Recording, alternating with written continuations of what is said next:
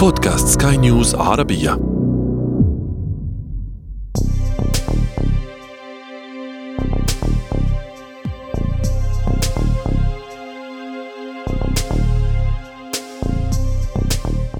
في يوم ما في أواخر عام 2008 وبينما كانت الولايات المتحدة تستعد لانتقال السلطة من الرئيس جورج دبليو بوش إلى الرئيس المنتخب باراك أوباما.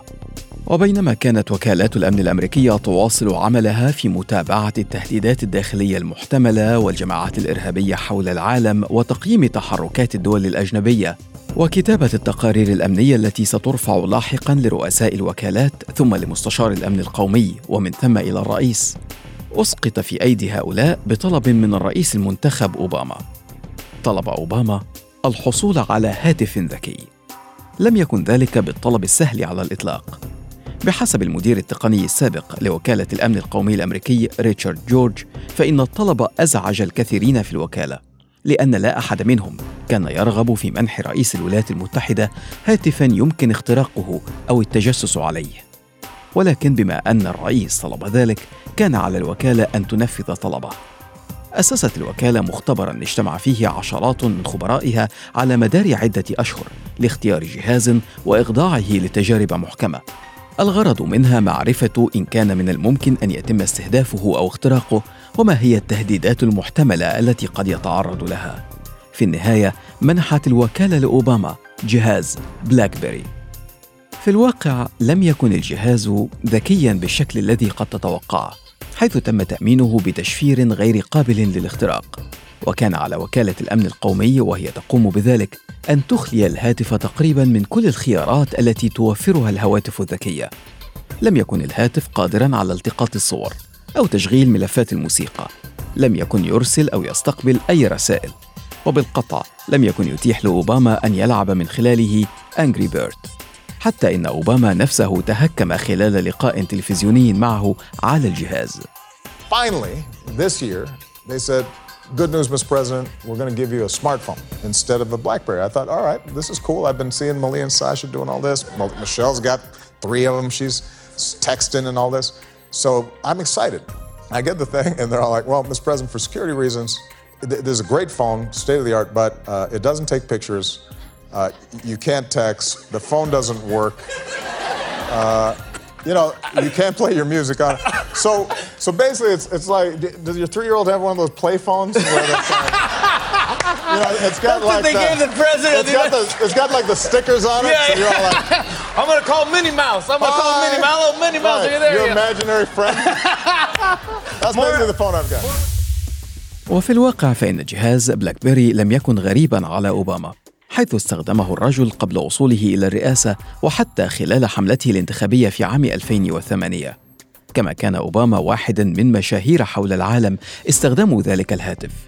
هيلاري كلينتون وزيرة الخارجية الأمريكية السابقة وديفيد كاميرون رئيس الوزراء البريطاني السابق والمستشارة الألمانية السابقة أنجلا ميركل وكيم كارديشيان نجمة تلفزيون الواقع الأمريكي. كان بلاك بيري هاتفا للنخبة أعجب به العامة وحظى بما لم يحظى به أي جهاز آخر في وقته. لكن ذلك تغير في غضون سنوات قليلة. وفي يناير 2022 أعلنت الشركة وقف دعمها لذلك الهاتف الأيقوني ووضعت نقطة الختام على عصره الذهبي لماذا كان بلاك بيري هاتف الرؤساء والمشاهير؟ وكيف تحول إلى هاتف لا يرغب أحد في شرائه؟ وهل ما حدث لبلاك بيري يمكن أن يحدث معك أنت شخصياً؟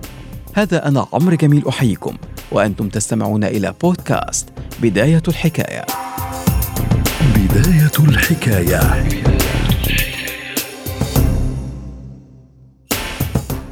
في عام 1984 قرر طالب الهندسة الكنديان مايك لازاريدس ودوغلاس فريجن أن يؤسسا شركة تحمل اسم Research in Motion والتي عرفت اختصارا باسم RIM عملت الشركة على عدة مشروعات كان من بينها تطوير نظام عرض ليد لشركة جنرال موتورز وتطوير نظام تحرير للفيديو كما عملوا مع شركة التقنية الأمريكية IBM لكن نقطة التحول الهائلة حدثت في عام 89 حينما تعاقدت مع شركة كندية أخرى تدعى روجرز تعمل في مجال تطوير الأجهزة المحمولة وذلك لتطوير نظام تراسل بين المستخدمين. كانت أجهزة البيجر المحمولة قد ظهرت إلى الوجود وهو جهاز للتنبيه عند تلقي اتصال من طرف آخر. لكن RIM من خلال شراكتها مع روجرز نجحت في تقديم جهازها الثوري الأول Inter@ctive Pager 900 طورت RIM جهاز البيجر التقليدي إلى جهاز تراسل فوري مع شاشة ولوحة مفاتيح كاملة. ثم ألحقته بمزايا أخرى مثل الشاشات الملونة وتصفح الإنترنت والاتصال بشبكات الواي فاي. وفي وقت لم تكن الأجهزة المحمولة قد حققت فيه انتشارا كبيرا كان البيجر يوفر لمستخدميه حلولا في التواصل والاتصال. وهكذا أصبحت ريم أو RIM أول مطور لتكنولوجيا البيانات اللاسلكية في أمريكا الشمالية. قبل أن تحدث النقلة الثانية في عام 2000 حينما اقتحمت سوق الهواتف المحمولة رسميا بطرح هاتفها الأول بلاك بيري 957 مع لوحة مفاتيح كاملة كبيرة وشاشة. لم تكن ريم الشركة الوحيدة التي تطرح هواتف نقالة. كانت هناك رائدة الهواتف النقالة في ذلك الوقت نوكيا الفنلندية والتي نافستها شركة إريكسون السويدية وموتورولا الفرنسية. مع ظهور خجول من جانب منافسين آخرين مثل سامسونج الكورية وسوني اليابانية. لكن ريم قدمت إلى السوق ما لم يقدمه الآخرون. هاتفا محمولا يحظى بشاشة معقولة ولوحة مفاتيح كاملة. والأهم ميزات خاصة لا توجد ببقية الهواتف. تأمين عالي المستوى القدرة على كتابة وإرسال واستقبال البريد الإلكتروني دفتر عناوين وتقويم وقوائم واجبات. أصبح بلاك بيري الخيار الأول بالنسبة للمسؤولين والسياسيين ورجال الأعمال ومدراء الشركات الكبرى. ما جعل ريم تصنف بأنها الشركة الأسرع نمواً في تاريخ سوق الأعمال العالمي. وفي عام 2009 كانت ريم تتربع على عرش الشركات الأسرع نموا في العالم في وقت كانت فيه شركة أبل في المركز التاسع والثلاثين وجوجل في المركز الثامن والستين. ومع انتشار بلاك بيري في أيدي النخبة والمشاهير أحب العامة امتلاك جهاز مماثل. فحسنت ريم من شكل هواتفها كما منحتها خدمة تراسل فوري حصرية حملت اختصارا اسم BBM والتي انتشرت كالنار في الهشيم بين مستخدميها. حتى إن اسم بلاك بيري تحول في سوق الهواتف إلى كراك بيري في إشارة إلى إدمان مستخدمي بلاك بيري على هواتفهم كما الإدمان على مادة الكراك المخدرة. لكن لاعبا جديدا كان بصدد تغيير كل ذلك وزلزلت الأرض حرفيا تحت أقدام الشركات الكبرى ومن بينهم ريم. في التاسع من يناير من عام 2007 وقف عبقري شركة أبل ستيف جوبز أمام مئات الحضور لتقديم ما سيصبح لاحقا أيقونة أبل. هاتف آيفون. على شاشة عرض ضخمة بالقاعة عرض جوبز نماذج لأربعة هواتف محمولة. هي نوكيا E62 وبالم تريو وبلاك بيري وموتورولا كيو. قال جوبز إن الهواتف الأربعة وإن كانت جيدة لكنها تشترك جميعها في وجود لوحة مفاتيح ضخمة وشاشة أصغر. ثم عرض جوبز ولأول مرة جهازه الجديد آيفون بشاشة عرض كبيرة يمكن التعامل معها باللمس.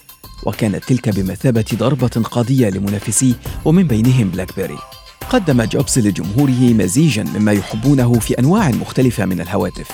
شاشة كبيرة تعمل بخاصية اللمس. القدرة على القيام بالأعمال المكتبية من بريد إلكتروني وقوائم أعمال. مظهر جذاب والأهم تأمين جيد جدا يلبي طلبات مستخدميه. وهكذا بدأ البساط ينسحب من تحت أقدام ريم. حاولت ريم العودة للمنافسة بطرح جهاز بلاك بيري ستورم الذي يعمل باللمس لكنه لم ينجح في تحقيق النجاحات المتوقعة. قدمت برنامج استخدام محدث تحت اسم بلاك بيري 10 لكنه لم ينجح في منافسة نظامي الأندرويد و iOS اللذين نجحا في نيل ثقة واهتمام المستخدمين وسط تراجع الاهتمام ببلاك بيري وحتى عندما غيرت ريم اسمها إلى بلاك بيري في لعب على وتر مشاعر المستخدمين وقررت التحول لتصنيع أجهزة أندرويد كانت كمن يلعب دور المقلد من دون أن تكون له بصمة واضحة. تراجعت قدرة بلاك بيري على الابتكار واختارت الطريق السهل بالتقليد ففقدت شخصيتها ولم يعد يتذكرها المستخدمون. وفي عام 2016 انخفضت مبيعات الشركة إلى نحو 200 ألف جهاز من بين 432 مليون جهاز تم بيعها حول العالم لتمثل أقل من واحد من عشرة بالمئة من السوق انتهى مصير بلاك بيري بأن استحوذت عليها شركة TCL الصينية وفي يناير 2022 أعلنت الشركة أنها ستتوقف تماما عن دعم أجهزتها القديمة لتضع نقطة الختام على الهاتف الذهبي. في اعتقادي أن المصير الذي وصلت إليه بلاك بيري ليس حكرا على منتج أو شركة بل ممكن أيضا أن يحدث إلينا كأشخاص. الارتكان إلى المنطقة المريحة معتقدين أنها آمنة تماما. فيتوقف الإنسان عن التطور سواء كان وظيفيا أو معرفيا أو حتى في علاقته بالأشخاص الآخرين. ليأتي آخرون بأفكار أو اهتمام جديد ويسبقوه فيختفي وسطهم وتغيب شخصيته. ربما يجب علينا أن نعي الدرس مما حدث لبلاك بيري بداية الحكاية, حكاية.